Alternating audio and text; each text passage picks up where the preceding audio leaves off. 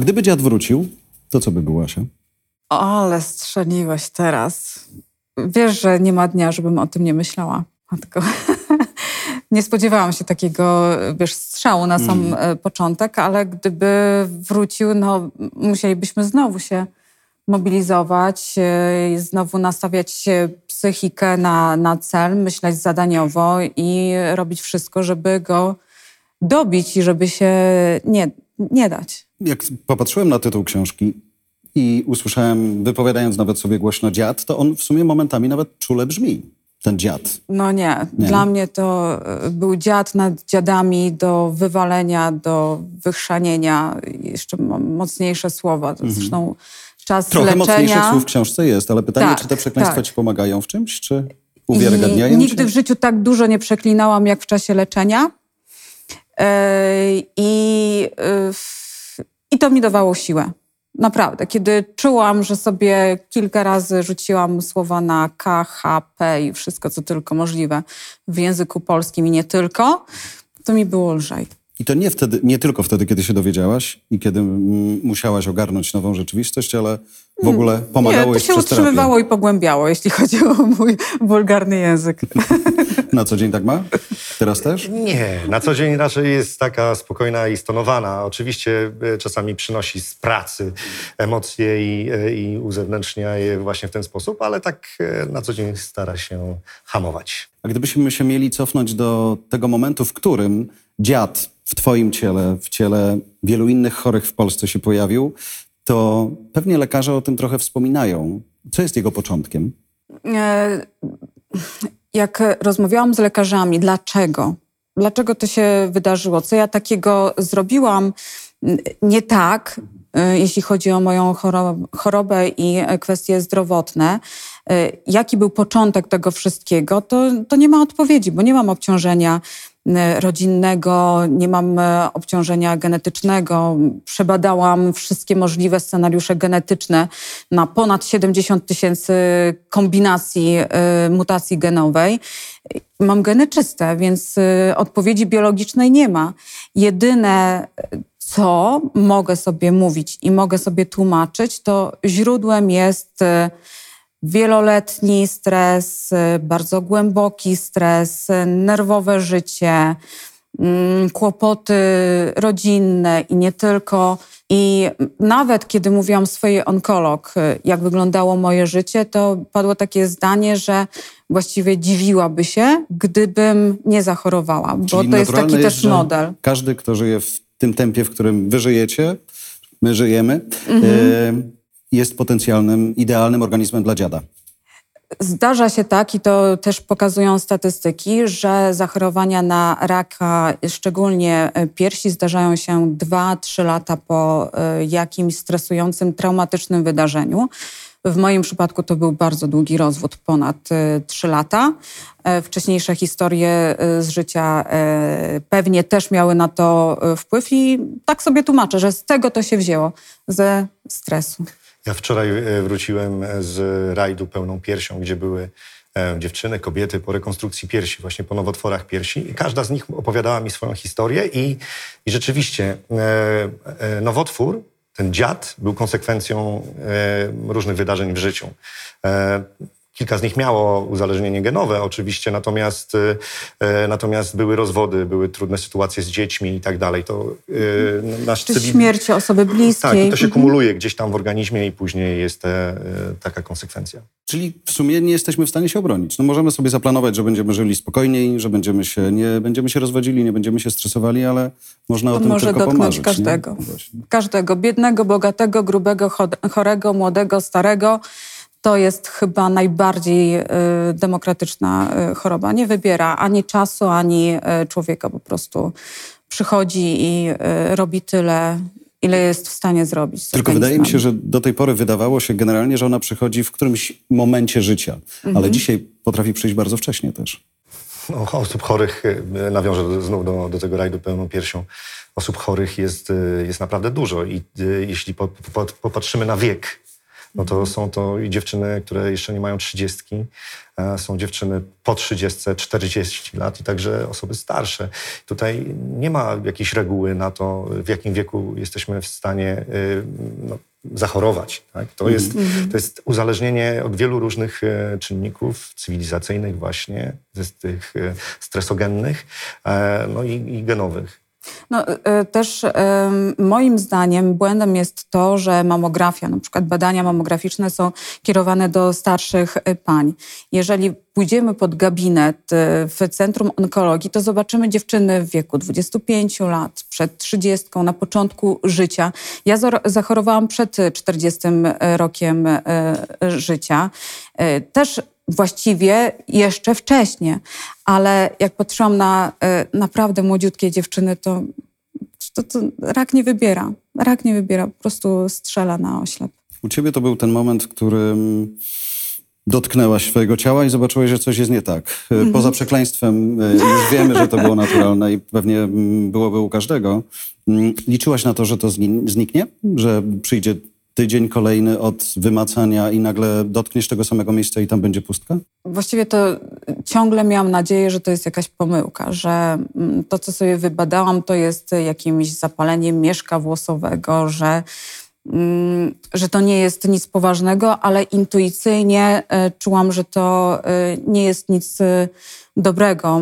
Mało tego, w momencie, kiedy dotykałam guza, już wtedy jak byliśmy na, na urlopie, to on był coraz większy i to mi nie dawało spokoju, bo jakby ale on... Czekaj, byłaś tam parę dni na tym urlopie i on każdego kolejnego dnia był coraz większy? Tak, ale to też lekarze mi tłumaczyli, że jak boli ząb i cały czas sobie językiem dotykamy, to on też coraz bardziej drażliwy się e, staje, więc tak mogło też być z tym moim guzem, że przez dotykanie, sprawdzanie i macanie e, ja miałam coraz bardziej drażliwe to, to miejsce, ale też jest faktem, że y, on y, no, rósł w przerażającym tempie, bo kiedy zrobiłam pierwsze badanie USG, miał y, kilka milimetrów, a w, pierwszej, y, w dniu pierwszej chemii już miał 26 milimetrów, to jest ponad 2,5 centymetra.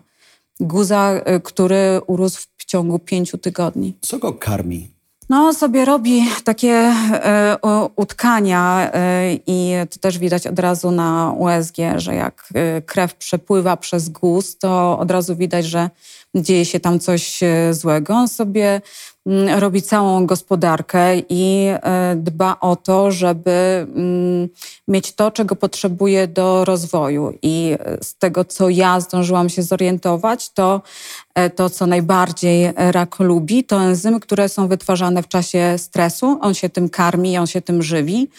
Mm, I mi bardzo zależało na tym, żeby mu tego nie dawać. Jak już biologię poznałam, z czego to się może wszystko y, brać, no to pilnowałam bardzo, żeby tych enzymów biorących się ze stresu mu po prostu nie dostarczać i wziąć go głodem. Mhm. Wyjeżdżacie na wakacje, żeby odpocząć i to jest taki czas, kiedy stres ma do was daleko, w założeniu. No ale wchodzisz do łazienki, dotykasz ciała, mm, czujesz, że coś jest nie tak, do ciebie dociera ta wiadomość, pojawia się strach przed tym, że nie dasz rady? Nigdy tak nie myślałem. To y, ja od samego początku wierzyłem w to, że to rzeczywiście jest y, tylko jakiś guzek, zupełnie nic nieznaczący. Dopiero wtedy, kiedy Jasia mi napisała, że ma raka, ten SMS, y, który dostałem, no to, to wtedy do mnie dotarło tak naprawdę, że, że to jest coś poważnego. Ale już wtedy jadąc do do domu. a e, jechałem z centrum Warszawy na Mokotów. Normalnie zajmowało mi to gdzieś około 20-25 minut. Nie wiem, ile przepisów wtedy złamałem, żeby jak najszybciej być przy Jasi, ale już wtedy w głowie układałem sobie, sobie plan. I już wtedy wiedziałem, że moim zadaniem to e, będzie przede wszystkim to, żeby zadbać o jej silną głowę. Poczekaj, no plan, ale tak naprawdę masz moment, w którym wchodzisz do domu i wiesz, że mm, pewnie jest rozwalona. To, że jest rozwalona, wiedziałem od razu, bo znam, no, znam ją.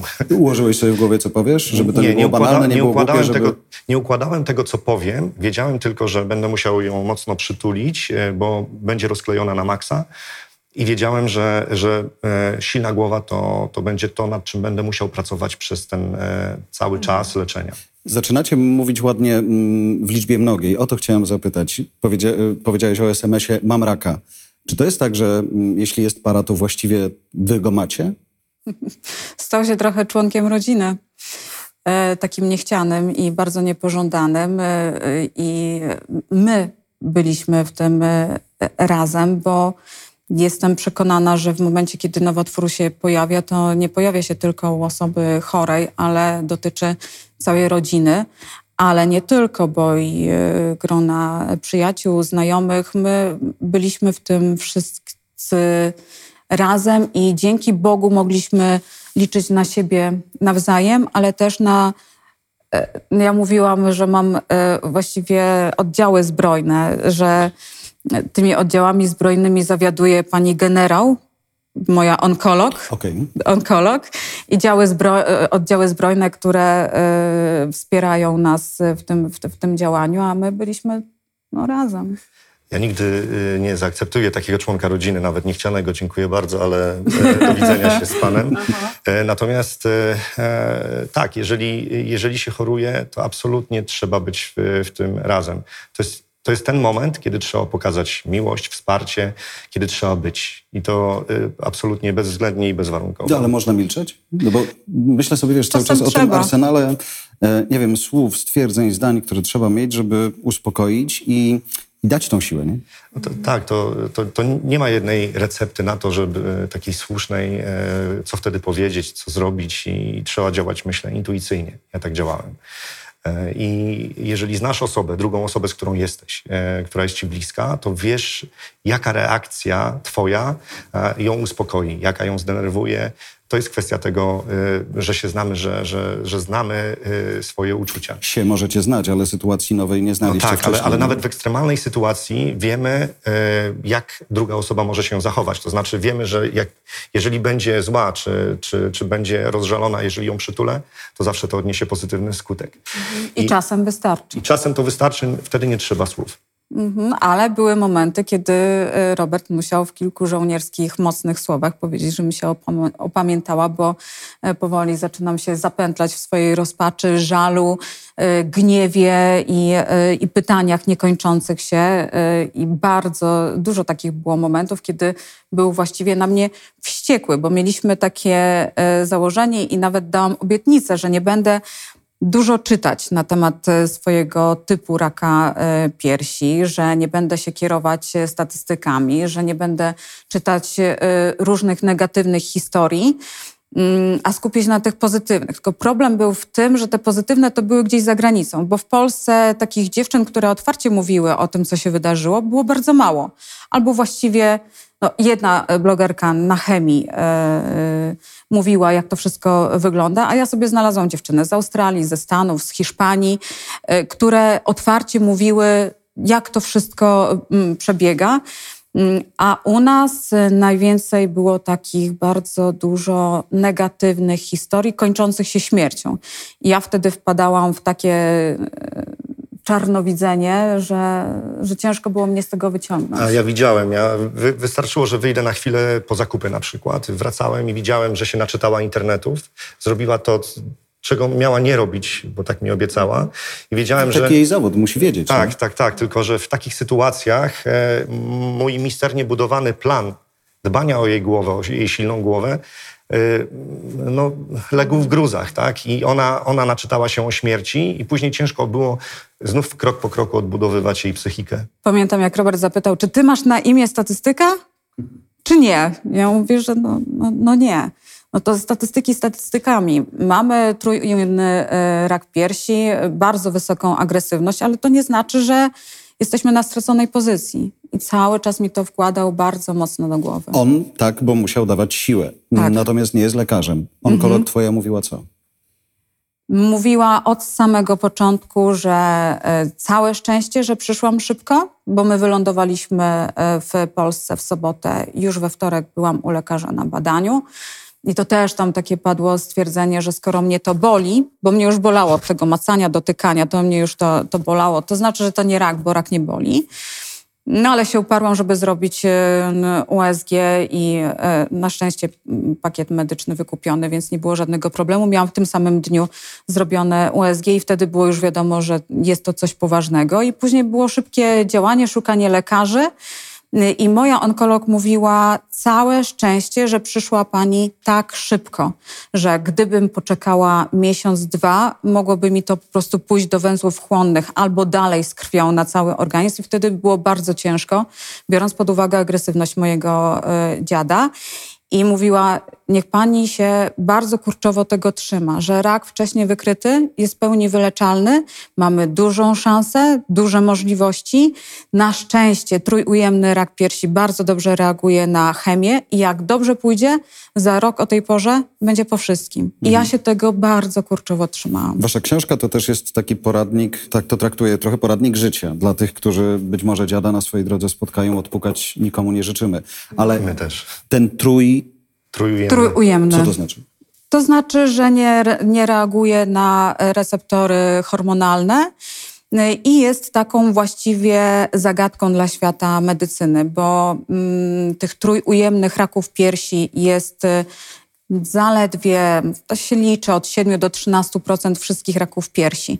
Te hormonozależne y, dodatnie raki piersi to jest mniej więcej 80-85% wszystkich zachorowań na raka piersi. To jest e, rak, który już jest e, dokładnie znany, gdzie są schematy postępowania, gdzie wiadomo, co zastosować, jakie leczenie, jakie hormony, e, w jakich sytuacjach jest potrzebna chemia, bo nie zawsze przy raku piersi jest konieczna chemia. Wystarczy czasem hormonoterapia, operacja oszczędzająca i radioterapia. Nie jest to tak wyniszczające leczenie jak mastektomia czy, czy 16 wlewów y, chemioterapii. Mm, Więc y, te trójujemne raki piersi ciągle jeszcze są y, niewiadomą i lekarz właściwie sprawdza, co zadziała. Spróbujemy tego, spróbujemy tamtego, a może dodamy jeszcze to.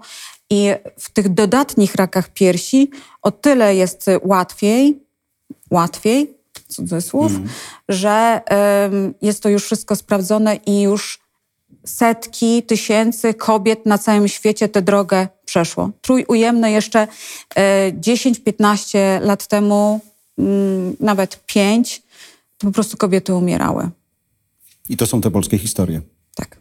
A dlaczego za oceanami, y, w Australii, w innych miejscach świata to były bardziej pozytywne historie? Więcej wiedzy, więcej doświadczenia? Chyba też i e, większe, e, nie chcę powiedzieć oswojenie e, tematu, ale może to wynika też z charakterów, z temperamentów. My jednak jesteśmy takim pesymistycznym narodem. E, I e, raczej nam się to wszystko kojarzy z wielką tragedią i wielką traumą.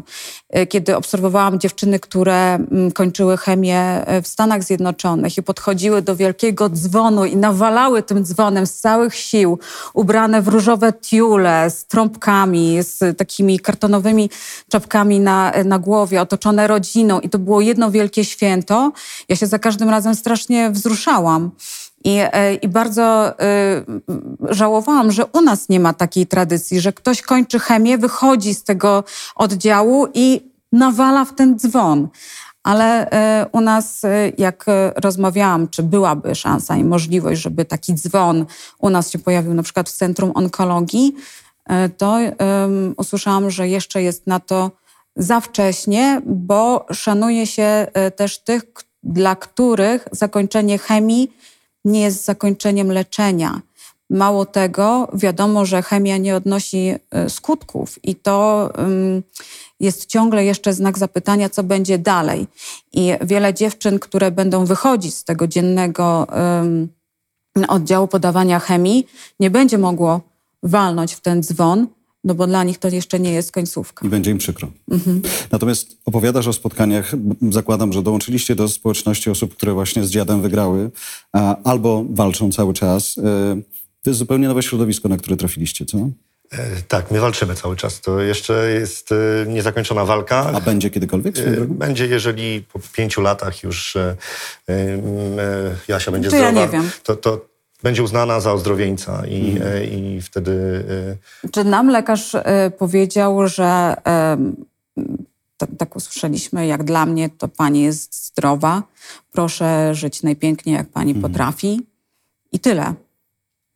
I, I niby powinnam się kurczowo trzymać tej myśli, ale wyszłam z Centrum Onkologii po ostatnim naświetlaniu, po ostatniej radioterapii i właściwie wpadłam w lekką panikę, bo o ile właśnie dziewczyny z dodatnim rakiem piersi mają jeszcze terapię hormonalną i swego rodzaju ochronę, to ja zostałam wypuszczona z Centrum Onkologii z, z, ze skierowaniem na mamografię za pół roku.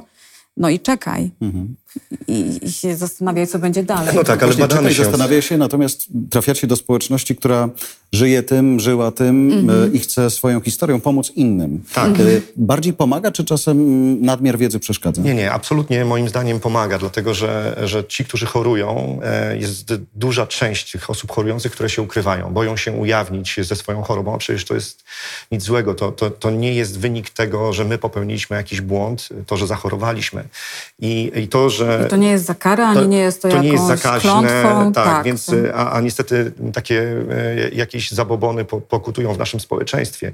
Takie mity, które my chcemy obalać. I to, że to, kiedy Jasia się ujawniła, kiedy napisała, e, nie mogąc już czekać jakby na, na, na kolejne pytania, bo, bo tych pytań od, od jej fanów było bardzo dużo. E, myśleli, że jest na urlopie albo że zmienia stację.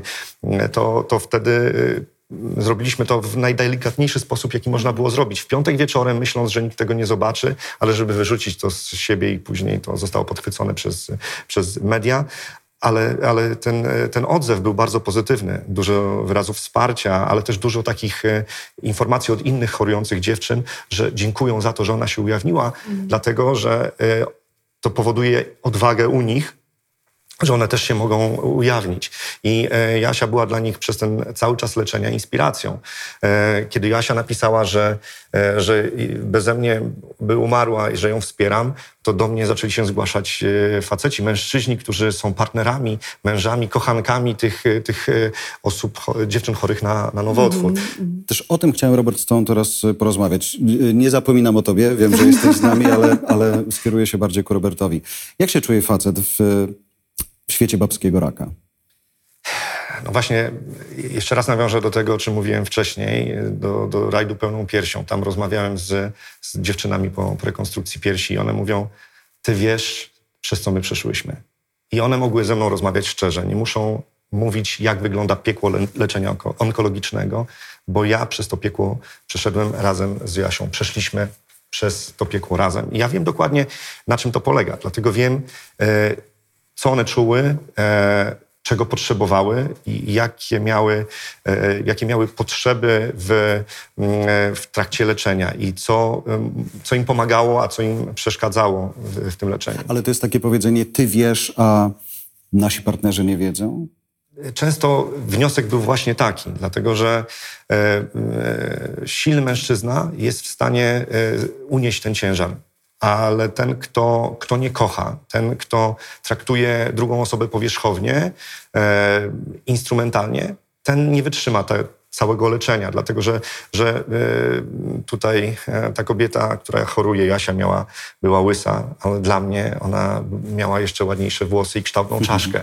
Ja tak postrzegałem ją. E, dla kogoś innego będzie, że jest łysa, a, a zupełnie przecież to nie o to chodzi. Ja wiedziałem, że to jest wszystko, co, co trwa w trakcie leczenia, jest tylko czasowe że Jasia wróci do siebie i e, ja ją postrzegałem cały czas tak samo. Mimo tego, że, że miała e, po hormonach szeroki kark i boczki i wszystko, ja tego w ogóle nie dostrzegałem. Ja cały czas codziennie mówiłem jej, że jest piękna, bo taka była i, e, i walczyła. I dla mnie ona jest naj, największą wojowniczką, jaką spotkałem do tej pory. Pamiętaj, bo... że mówimy na razie o facecie w świecie kobiet, które tak. mają raka, więc na razie skupiamy się na tobie. Tak, facet Ale, w świecie kobiet, od, odpowiem ci na to pytanie, e, czuję się e, trochę obco do momentu, kiedy nie poczuję tego wszystkiego, do, do momentu, kiedy tego nie przeżyję na własnej skórze, nie poczuję, jak to jest trudne leczenie, jak to jest y, ciężka sytuacja, później już jest zupełnie inaczej. Tylko zobacz, wchodzisz trochę w rolę psychologa dla Aśki, nie? Y, czy dla partnerów, y, którzy, którzy są, wchodziliby zupełnie inni? Normalnie w pracy psychologa jest ktoś, komu możesz to oddać. A ty komu oddawałeś swoje problemy? No właśnie. To Skoro był, nie, no, Aśce trudno było dokładać. To był, to był mój problem, e, że ja e, byłem postrzegany w moim środowisku jako ten, który sobie zawsze radzi. I, e, I nikt nie zapytał mnie, czy ja potrzebuję jakiejkolwiek pomocy. A to jest e, bardzo poważna sprawa, którą poruszyłeś teraz, bo osoby wspomagające, wspierające także potrzebują wsparcia.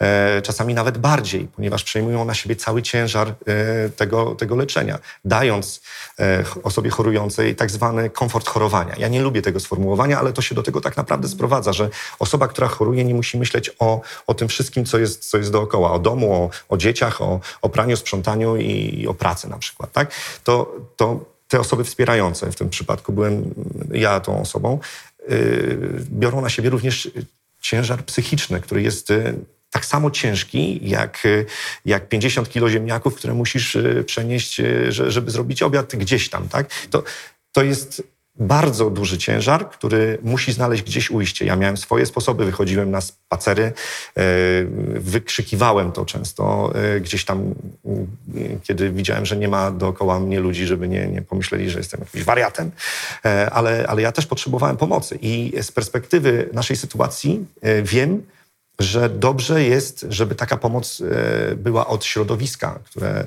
e, znajomych rodziny, żeby również się interesować osobami wspierającymi. Tak myślę sobie, zobaczcie, ile wątków się otwiera. Nie? Zaczęliśmy od choroby Aśki, e, ile jest sytuacji i ile jest jeszcze tabu, ile jest wstydliwych sytuacji. To jest prost, prosto powiedzieć, była łysa.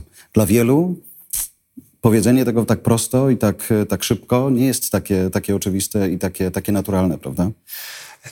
My się podczas takiego leczenia dziesięciomiesięcznego uczymy naprawdę wielu, wielu rzeczy I, e, i te tematy, o których pewnie nie, nie rozmawialibyśmy, byłyby dla nas jakieś trudne, to teraz mówimy o nich z łatwością, mm. bo przez to przeszliśmy. My jesteśmy silni sobą cały czas. Każdego dnia sobie to udowadniamy i każdego dnia odkrywamy coś nowego również w sobie. Te pokłady empatii, które, które mamy w sobie, to, y, to zrozumienie, to, ta akceptacja e, czasami musi się urodzić w takim bólu, jaki, jaki my przeżyliśmy, ale to później e, skutkuje tym, że uczucie między nami jest jeszcze większe, że jesteśmy w stanie również przeżyć te trudne chwile, bo było mnóstwo takich trudnych chwil, kiedy ja, Jasia mi nie pozwalała na przykład wejść do łazienki, kiedy ona wymiotowała. Ja siedziałem pod drzwiami łazienki i, i czekałem na znak, sygnał od niej, pytając, czy ona jeszcze żyje. I, I, to są takie sytuacje, które ciężko jest opisać, kiedy płyną łzy same, ale ja nie mogę pokazać, że, że, jestem, e, że jestem e, słaby. Ja muszę być silny. Mimo tego wtedy nauczyłem się płakać bezgłośnie. Nie wydawałem z siebie dźwięków, a łzy mi ciekły jak wielkie grochy po policzkach. No ale to się zbiera gdzieś, nie? Tak, no właśnie dlatego musi, musi nastąpić e, ujście w takich, w takich mhm. sytuacjach. I kiedy, kiedy tak naprawdę nie, nie, nie musisz się obawiać siebie i swoich reakcji. Jeżeli potrzebujesz płakać, płacz nie rób tego przy, przy, drugiej osobie, ale pójdź sobie gdzieś tam i popłacz. Po prostu musisz uwolnić te emocje, żeby mieć później siłę na, na, na y, kolejną godzinę, kolejny dzień, kolejny tydzień czy kolejny miesiąc leczenia. Z drugiej strony związek trwa a w nim też pojawiają się kłótnie. Odstawialiście je na bok, y, czekając aż będzie można się pokłócić, czy... No, Robert rozchodził. ja mam swój taki sposób, o którym Jasia wie i kiedy... Dawaj, wszyscy faceci notują. kiedy, kiedy, tak, ja muszę rozchodzić. Ja po prostu wychodzę na spacer, muszę sobie dać dobre tempo, y, wykrzyczeć to i, i kiedy mamy trudne chwile, to Jasia mówi, może byś poszedł to roz, rozchodzić. I tak, ona tak, już tak. też to już jest ten czas. To już jest ten czas. I, I to jest dobry sposób, tak? Zmienić na chwilę otoczenie, na wyjść na pół godziny, na godzinę, y, przejść y, szybkim tempem, trochę nawdychać się powietrza, żeby, żeby znów przyjść. Jestem. Ale nie ma takich klubów, whatever, jak to sobie nazwiemy, facetów, którzy robią to, co ty, żeby sobie usiedli razem i pogadali, kto z czym ma problem i sobie wzajemnie pomogli. To właśnie jest y, to środowisko, o którym wspomniałeś, tych, y, tych par po przejściach. My się wspieramy, my ze sobą rozmawiamy, my, y, my dajemy sobie nawzajem rady i, i mówimy o tym, jak wzajemnie przeżywaliśmy. Oczywiście za każdym razem jest to zupełnie indywidualne odczuwanie, ale wiele miejsc, sytuacji czy zachowań jest spójnych. I my, y, tak samo jak dziewczyny, które są po nowotworach, one też ze sobą rozmawiają. My, mężczyźni, którzy y, pomagamy, które, którzy wspieramy, y, też ze sobą rozmawiamy. To jest to takie fajne środowisko, gdzie my jesteśmy taką grupą wsparcia dla siebie. I takiej grupy wsparcia podczas, podczas leczenia, naszego leczenia mi bardzo brakowało. I, i myślę, że możemy zainicjować nawet tworzenie takich grup, bo to jest świetny pomysł, żeby, żeby tych mężczyzn czy, czy rodziny, wspierać e, e, we wsparciu. No, jak to zabrzmiało, wspierać we wsparciu, ale do tego się to sprowadza. Ładnie zabrzmiało, natomiast jak mówimy rodziny, tu dzisiaj jesteście wy, ale tak naprawdę w waszej rodzinie jest jeszcze dwóch chłopaków. Nie? E, I to jest zupełnie nowy wątek też, który chciałbym poruszyć. E, Jak z nimi gadać, żeby oni e, też pomogli, e, nie przestraszyli się? My e, bardzo szybko, tak mi się wydaje, powiedzieliśmy mojemu synkowi. Mm, Synkowi. No wiem, nastolatek już właściwie teraz 15 lat, no ale e, wtedy miał 12 i e, to był e, jednak ciągle synek i zastanawialiśmy się, jak to wszystko przekazać. On wiedział, że robię badania, pytał dlaczego, co i jak. Ja mu tłumaczyłam na podstawie i na przykładzie jego bóli wzrostowych, y, które miał i też chodziliśmy od lekarza do lekarza i sprawdzaliśmy. Ja mówiłam, Kasper, trzeba po prostu sprawdzić, upewnić się, że wszystko jest w porządku.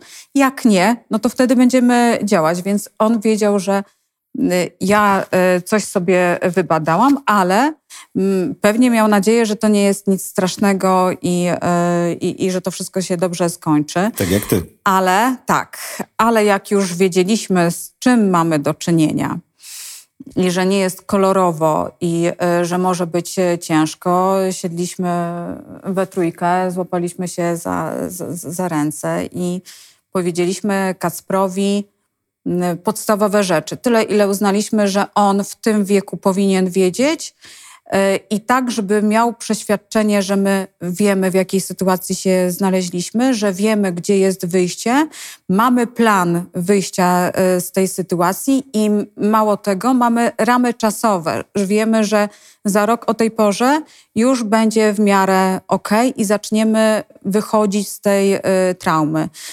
miał Kasper prosty komunikat, że będzie ciężko, że mogą być sytuacje, kiedy nie będzie ze mną żadnego kontaktu, że nie będę miała e, siły tak zająć się domem jak do tej pory i że będę potrzebowała e, pomocy. No i w, wtedy pierwsza reakcja to była taka, że Kasper powiedział, że wróżka jest głupia. Z nas w ogóle zbiło z tropu. Ja mówię, jaka wróżka, o co chodzi? To Kasper powiedział, że przecież wróżka ci powiedziała, że będziesz żyła długo i szczęśliwie. Ja mówię, ale to nie znaczy, że skoro mam raka, to że będę ży- żyła krótko i nieszczęśliwie. My przez to przejdziemy i będzie tak, jak wróżka powiedziała. To on już się tej myśli złapał. No a druga kwestia, no to powiedział do Roberta, żeby pokazał, jak się wstawia e, naczynia do zmywarki i jak się nastawia pranie, więc y, był jasny podział też y, obowiązków i tego się chłopaki trzymali i Trudne były y, rozmowy, bo wiadomo, to jest wzruszające i e, strach jest ogromny, ale przedstawienie sytuacji na zasadzie etapów, kroków dojścia do już do końca leczenia, to było dla niego bardzo istotne. No i też zadbaliśmy o to, żeby w szkole nie było takiej sytuacji, że ktoś powiedziałby Kacprowi, twoja mama ma raka i umrze. Tego się bardzo bałam. Mm, Wszyscy rodzice zostali poinformowani o tym, e, że choruje.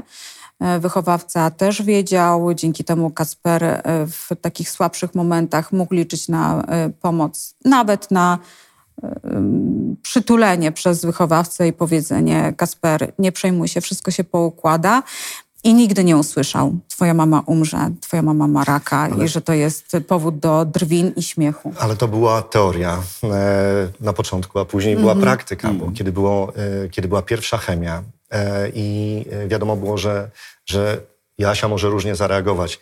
Ja byłem zdziwiony, kiedy czekałem na nią, kiedy wyszła po, po wlewie i była pełna euforii. Ona była zupełnie jakaś, e, jakaś z kosmosu. Taka była... e, Co oni jej wlali? To, co oni jej tam wlali. Tak. Poproszę o e, po, podwójną porcję. Poza fryzjerką i czerwonym diabłem były Tak. sterydy, więc ja wyszłam lekko Wyszła ta- nakręcona. Tak, To- no, ale, ale y, wiedzieliśmy, spodziewaliśmy się takiej sytuacji i ja byłem w kontakcie z Kacprem, żebyśmy jeszcze zjedli, bo Jasia, mimo tego, że miała dużo jedzenia podczas wlewów, to jeszcze była głodna, kiedy, kiedy wyszła. To takie dziwne reakcje organizmu.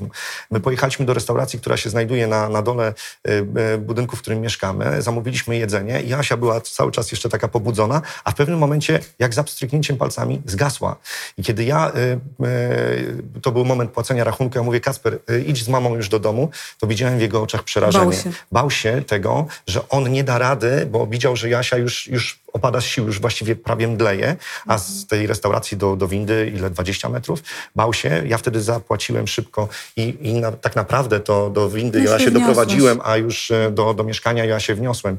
I wtedy on, on zobaczył, e, rzeczywiście widziałem w jego oczach takie, takie przerażenie, ale kiedy widział, że, że, e, że, to, że opiekuje się Joasią, że, że następnego dnia e, Jasia jest kontaktowa, no to, bo, bo, bo tego dnia już nie była, to, to, to wtedy jakby zaczął się z tym oswajać. Musiał dostać e, e, taką konfrontację teorii, którą wcześniej przedstawiliśmy z rzeczywistością. Zresztą e, Robert pokazywał Kasprowi, jak podchodzić do mnie i jak normalnie mnie traktować. I jak widział, że Robert całuje mnie w łysą głowę, to Kasper też mnie całował. Zresztą to był czas, kiedy, y, nie wiem, może w dzieciństwie, jak byłam niemowlęciem, to tyle razy byłam całowana w głowę. To jest bardzo miłe. Mm, I e, y, nie powiem, że tęsknię, ale y, z- wspominam bardzo e, miło taką, taką e, czułość. I e, jak Kasper widział, że Robert podchodzi do tego normalnie, że e, środy wieczór mamy e, ciężkie, czwartek jest ciężki, piątek powoli wracam do e, normalnych i do żywych, w sobotę, niedzielę możemy normalnie funkcjonować, w poniedziałek ja idę do pracy, wtorek pracuję i w środę pracuję, to on widział, że... Mm, Właściwie ten rak nie zdemolował nam strasznie życia. Są dni, kiedy z mamą nie ma kontaktu, ale on wtedy nauczył się też funkcjonować i y, poruszać się w, tym, y, w tej rzeczywistości. My musieliśmy też nauczyć się takiego innego życia, bo Joasia miała nadwrażliwość zapachową, więc nie mogliśmy gotować w domu. Nie mogliśmy używać dezodorantów żadnych i to też było dla Goście nas... też nie mogli przychodzić też przynosili do nas, tak. Musieliśmy ich po prostu... e, odpo- Przebierać. E, tak. Dezynfekować przed prawie. Ale, ale to, to wszyscy wiedzieli, że, że, że taka jest potrzeba i nikt z tym nie dyskutował. Także Kacper się z tym wszystkim oswoił i ja na przykład, kiedy jechałem na spotkanie biznesowe, to ja miałem dezodorant w samochodzie. Jechałem i zanim wracałem, znaczy jak wracałem, to pierwsze kroki do łazienki, żeby to zmyć z siebie, żeby Jasia e, nie czuła, a jeżeli było... Takie techniczne e, historie. Tak, było jedzenie, no to, to, to najczęściej zamawialiśmy, żeby nie gotować w domu, żeby nie było tych, tych zapachów. Do tego wszystkiego musieliśmy się przyzwyczaić. To była zmiana zupełnie naszego życia. Ile jest szczegółów i to trwało ile? 10 miesięcy. 10 miesięcy. Najdłuższe 10 miesięcy życia? No ja połowy nie pamiętam, bo byłam tak daleko poza e, orbitą i to e, też e, pacjentom się nie mówi, że ten czas tak naprawdę bardzo szybko mija, bo jeżeli jest się mm, nieświadomym i bardzo dużo się śpi i przesypia się jak po białej chemii na przykład, to ja tam spałam na potęgę. Jak zasnęłam o godzinie 18 w środę, to czasami budziłam się piątek dopiero.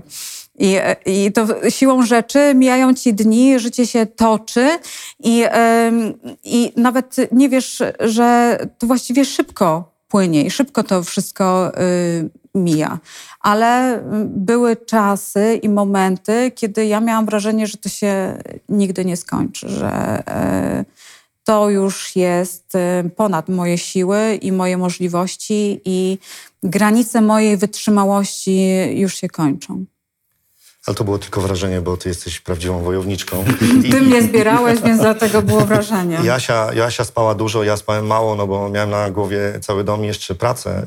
Yy, pracowałem yy, yy, w nocy właściwie, bo nikt nie zaczeka na to, kiedy dostanie ofertę przetargową czy, czy ofertę na, yy, na wyjazd, więc ja spałem po 2-3 godziny, 4 czasami mi się zdarzało, to już było dużo, ale czuwałem, wtedy też przemodelowałem całe swoje życie, bo ja miałem zaplanowane wyjazdy, które musiałem, z których musiałem zrezygnować. I przez ten cały czas leczenia, y, przez 16 chemii, na dwóch tylko nie byłem, no bo to już były takie zobowiązania, y, które musiałem zrealizować, y, ale, ale to Ale też... byłeś i czuwałeś i to też jest bardzo istotne dla em, kogoś, kto choruje, bo ja mimo, że spałam i nie miałam siły na nic i w pewnym momencie nawet się cieszyłam, że nie mam włosów, bo nie muszę się czesać, bo nawet nie mam siły y, ruszyć ręką, ale czułam obecność, y, tak jak y, też y, moja mama całą noc czuwała przy mnie, ja nie miałam siły powiedzieć dziękuję. Dopiero jak przyszedł piątek, ja się dobrze czułam, to, to mogłam powiedzieć mamusiu, ja to wszystko czułam. Wiem, że byłaś ze mną, wiem, że nie spałaś kilka nocy. Ja to wszystko czułam i, y, i bardzo Ci za to dziękuję. Ale wtedy, kiedy byłam w opłakanym stanie, Robert mnie nosił do, do, do toalety i ja też y, tych momentów y, staram się nie pamiętać, bo y, my mamy tak bardzo wielkie na całą ścianę lustro w łazience i jak sobie przypomnę, jak ja wtedy wyglądałam i, i jak byłam skulona i na, w tej początkowej fazie chemioterapii, y, właściwie jak szkielet, y, to no nie, nie chcę trzymać tych obrazów. Odpowiadając na twoje pytanie, to były trudne, to były 10 długich, trudnych miesięcy, ale chcemy to wyprzeć z pamięci. Chcemy żyć przyszłością, a nie przeszłością. Wiesz, nawet próbuję patrzeć teraz prosto w oczy Asi, ale patrzę na jej włosy, Yy, bo to jest coś niesamowitego jednak, jak organizm potrafi swoje, swoje zrobić, nie? Em, Bardzo dużo osób skupia się właśnie na e, włosach, ale powiem Ci szczerze, że najbardziej ten, ten strach dotyka wtedy, kiedy jeszcze ma się włosy i nie jest w stanie człowiek wyobrazić siebie bez włosów. To jest największa e, trauma. Wtedy, kiedy ja złapałam e, maszynkę Roberta i sobie po prostu nią jechałam po głowie, to ja czułam przypływ siły. Miałam taką motywację y, niesamowitą. Włączyłam sobie na fulla y, y, muzę i, y, i, jechałam trochę po i jechałam głowie po jak prostu. szalona. Później potrzebowałam czasu, y, żeby się sobie poprzeglądać y, w, w lustrze. Mm, Powiedziałam sobie, że to tylko przejściowe, że to tylko włosy, że to wszystko minie. Y, I, i, I tak było, ale y, to, to przywiązanie do włosów jest niewspór, niewspółmierne do tego, co się w ogóle z organizmem dzieje. Rozumiem, że wszystkie czarownice y, mają, miały długie włosy, wojownicy też długie włosy, Janosik też miał długie włosy. No wszyscy bohaterowie mają długie włosy i w tych włosach musi być jakaś siła i wtedy, kiedy je, jesteśmy bez włosów, tak jakbyśmy byli bezsilni. Ale to, to jest paradoks, bo to zupełnie inaczej wygląda, bo y, później w czasie leczenia jest tyle skutków ubocznych y, leczenia i y, kiedy bolą cię żyły, kiedy bolą cię kości, stawy, głowa, y, kiedy bolą cię paznokcie, to jest problem i y, to jest coś, y, z czym trzeba się liczyć i na co trzeba się przygotować. Włosy to pryszcz. Naprawdę mi czasem było po prostu bez nich lżej. Choć wiesz, myślę o tobie tak, jak pewnie myśli większość widzów. Jesteś publiczną osobą, więc oni widzą ciebie z tego, z tego kadru telewizyjnego. Śliczna dziewczyna. Wiesz, że się nie kapnęli na początku. Nikt cię nie kapnął. Ja już byłam e, w, w peruce i z przyklejonymi e, rzęsami na, na antenie i nikt nie zauważył. Tylko Asia, ale dalej byłaś śliczną kobietą. Jak, y, jak kobiecość to przeżywa? Boleśnie. Bardzo. I e, kiedy mm, przechodzisz koło lustra i nie poznajesz człowieka, jest to bardzo bolesne i em, dla mnie to było bardzo traumatycznym przeżyciem, kiedy em, patrzyłam sobie prosto w oczy i nie widziałam siebie. Kiedy jedyne, co mnie uratowało, to to, że zaraz po pierwszej chemii zrobiłam sobie permanentny makijaż brwi. Dzięki temu miałam jakiś zarys twarzy, tej sprzed raka. Bo e, tak, kiedy jesteś cały spuchnięty, kiedy właściwie szyja zlewa ci się z twarzą, e, kiedy nie masz rzęs, nie masz brwi, nie masz włosów, jesteś 16 kg albo i więcej cięższy, kiedy ciało to jest jedna wielka galareta, która do tego jeszcze wszystkiego cię boli, no to jak tutaj czuć się kobietą? A ty dalej patrzysz na ukochaną dziewczynę. No właśnie. I całuję ją w, w tą zgrabną, kształtną czaszkę. I mówię jej, że jest piękna, bo ja tego wszystkiego nie widzę. Bo ja widzę ją taką jak teraz i jak e, wcześniej, kiedy się poznaliśmy. E, i wiem, że to jest przejściowe. Trzeba tak do tego podejść, bo, bo e, to, co jest tu i teraz, to, jest, e, to, to, to minie. E, za chwilę Jasia wyzdrowieje i, i wróci do, do siebie sprzed choroby. Ja muszę jej w tym pomóc. Ja też za każdym razem starałem się ją utwierdzać, że to, to tylko chwilowe, żeby, żeby się nie załamywało. Kto powinien po niego sięgnąć? Albo inaczej, jak go czytać, żeby, żeby pomógł? Ta książka to, to był dla nas duży eksperyment yy, i od samego początku, kiedy, kiedy myśleliśmy o tej książce, a, a, a książka jest dla tych wszystkich, którzy, yy, którzy yy, zmagają się z chorobą, zmagali się z chorobą albo będą zmagali się z chorobą, ale także dla tych osób, które, które wspierają, to od samego początku wymyśliliśmy, że napiszemy oddzielnie e, nasze historie o, o o tym, o tym chorowaniu, żeby pokazać ją e, z perspektywy osoby chorującej, ale także osoby wspierającej, żeby dać e, e, inspirację wszystkim tym, którzy, e, którzy jej potrzebują. A tak naprawdę jest bardzo dużo osób, którzy, którzy potrzebują. Ze mną kontaktowało się mnóstwo facetów, którzy, którzy potrzebowali rady, którzy chcieli, żeby powiedzieć, co się w tym czasie czuje. I ja o tym piszę. I piszę o tych dobrych momentach, o tych trudnych momentach. Piszę o tym, co trzeba zrobić, jak, jak, jak podejść do różnych tematów. Ale nie jest to recepta i nie A, jest absolutnie to nie jest to recepta instrukcja obsługi i postępowania w momencie, kiedy w domu pojawia się dziad. My chcielibyśmy, aby nasza historia była swego rodzaju inspiracją dla tych, którzy albo są w kłopocie, albo mają to, to, to za sobą, aby mogli też skonfrontować swoje podejście i nasze do tego, co się wydarzyło ale y, nie dajemy y, recepty, absolutnie. My nie jesteśmy ani psychoonkologami y, z, z wykształcenia.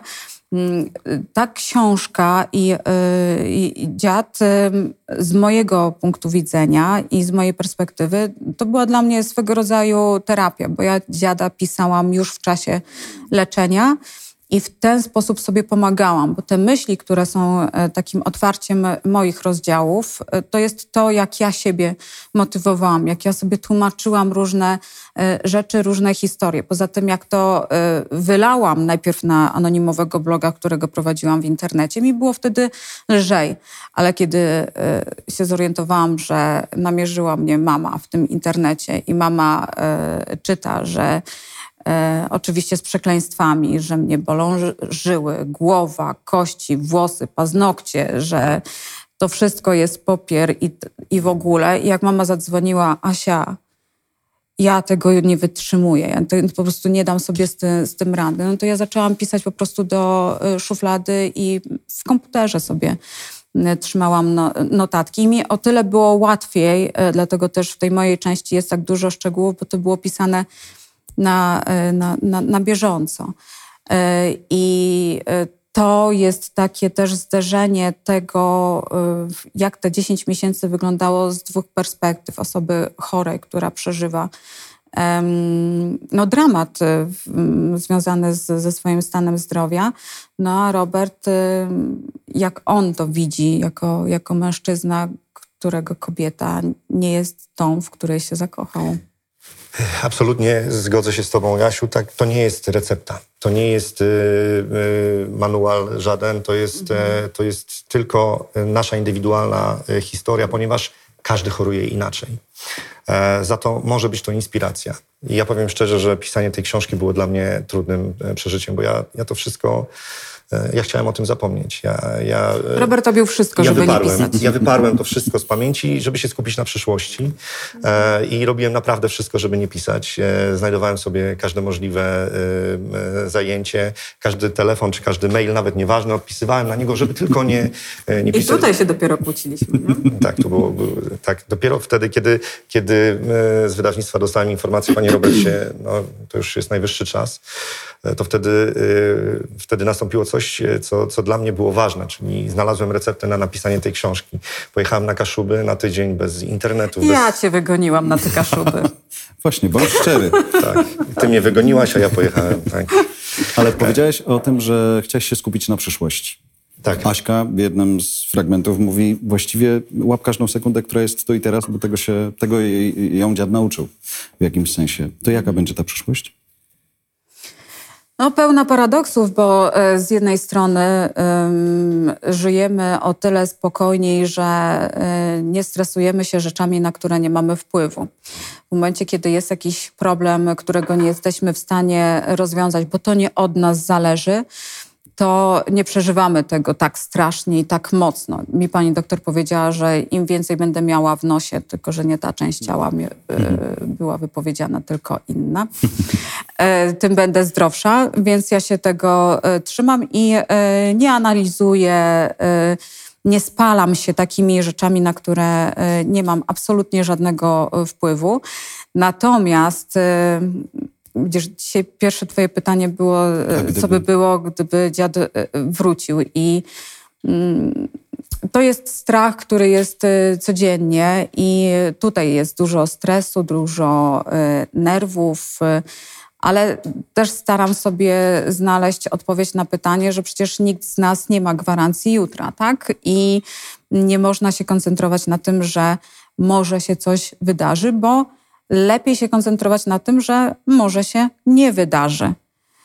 Żyjemy od badania do badania, a to życie jest y, no, najpiękniejsze, jak potrafimy sobie stworzyć. Tak, e, ustaliliśmy e, w trakcie chorowania, że, że choroba nie zmieni naszego trybu życia, bo podróżowaliśmy i, i odwiedzaliśmy znajomych i nas znajomi odwiedzali i staraliśmy się to robić jak najlepiej, żebyśmy nie musieli zmieniać dla choroby całego naszego życia, a po chorobie powiedzieliśmy sobie, że będziemy żyli pięknie, o czym wspomniała Joasia, e, czyli będziemy realizowali nasze, nasze podróżnicze pasje, będziemy robili to, e, na co do tej pory nie mieliśmy czasu, że zwolnimy trochę. To niestety się nie udało, bo cały czas jesteśmy w pędzie, a, ale za to też doszliśmy do wniosku, że ta choroba była po coś że ta choroba była po to, żebyśmy pomagali innym, inspirowali innych. I stąd akcja Silni Sobą na przykład, gdzie, gdzie pokazujemy, jak wsparcie jest y, bardzo ważne dla, dla leczenia. Że druga osoba, y, jej obecność, jej, y, jej pozytywna energia, motywacja potrafi czynić cuda. Dlatego zaprosiliśmy do tego projektu dziewięć par, które tak jak my są przykładem tego, że, że wsparcie potrafi y, czynić cuda dla leczenia, dla, dlatego, że dla tej formy psychicznej, dla, e, dla y, formy fizycznej I, i każda z tych par jest idealnym przykładem na to, że bez względu na to, czy to jest białaczka, czy, czy, czy długotrwała cukrzyca, cukrzyca, tak, czy, to tak. jest, czy to jest rak prostaty, rak żołądka, czy inny dziad, to, to wsparcie jest naprawdę bezcenne. Ale też e, w akcji Silni Sobą bierze udział e, Ula, e, która poznała partnera po chorobie. Więc to też jest istotne, żeby pokazać społeczeństwu i innym kobietom, że to, że miałaś, miałaś raka, to nie, cię nie przekreśla. To nie, nie robi z ciebie kobiety mniej wartościowej. Tak? Ciągle możesz być atrakcyjna, kochana, e, może cię w życiu spotkać coś pięknego, możesz przeżyć dużo pięknych chwil z kimś nowym, kto powie, i co z tego, że miałaś raka? Więc staramy się e, pokazać, że silni sobą możemy być e, właśnie wtedy, kiedy jesteśmy razem. I jesteśmy, jestem przekonana o tym, że jesteśmy na tyle silni, na ile czujemy się kochani, akceptowani, e, kiedy e, nie czujemy na sobie zimnego wzroku, gdzie ty z tym rakiem, dlaczego ty się z tym swoim rakiem nie schowasz w domu, bo i takie były wobec mnie stwierdzenia, że żebym nie kłamała, że mam raka, bo ludzie z rakiem się nie uśmiechają, tylko mają Dokładnie. depresję i siedzą w domu. Dokładnie. E, I, e, I nikogo to e, nie obchodzi. A ja tym wszystkim, którzy mi tak pisali i, i tak mówili, mam do powiedzenia jedno, że my się dopiero rozkręcamy. To widać po tym, bo e, nawet jeżeli nasi widzowie byli skupieni na waszych twarzach, to zrobimy wszystko, żeby widzieli też, jak, e, jak wasze dłonie przez całą tę rozmowę, przez całą godzinę były bardzo blisko siebie w sposób bardzo naturalny. Dziękuję wam bardzo. Dziękujemy Dziękujemy. bardzo. Dziękujemy. Dzięki wielkie.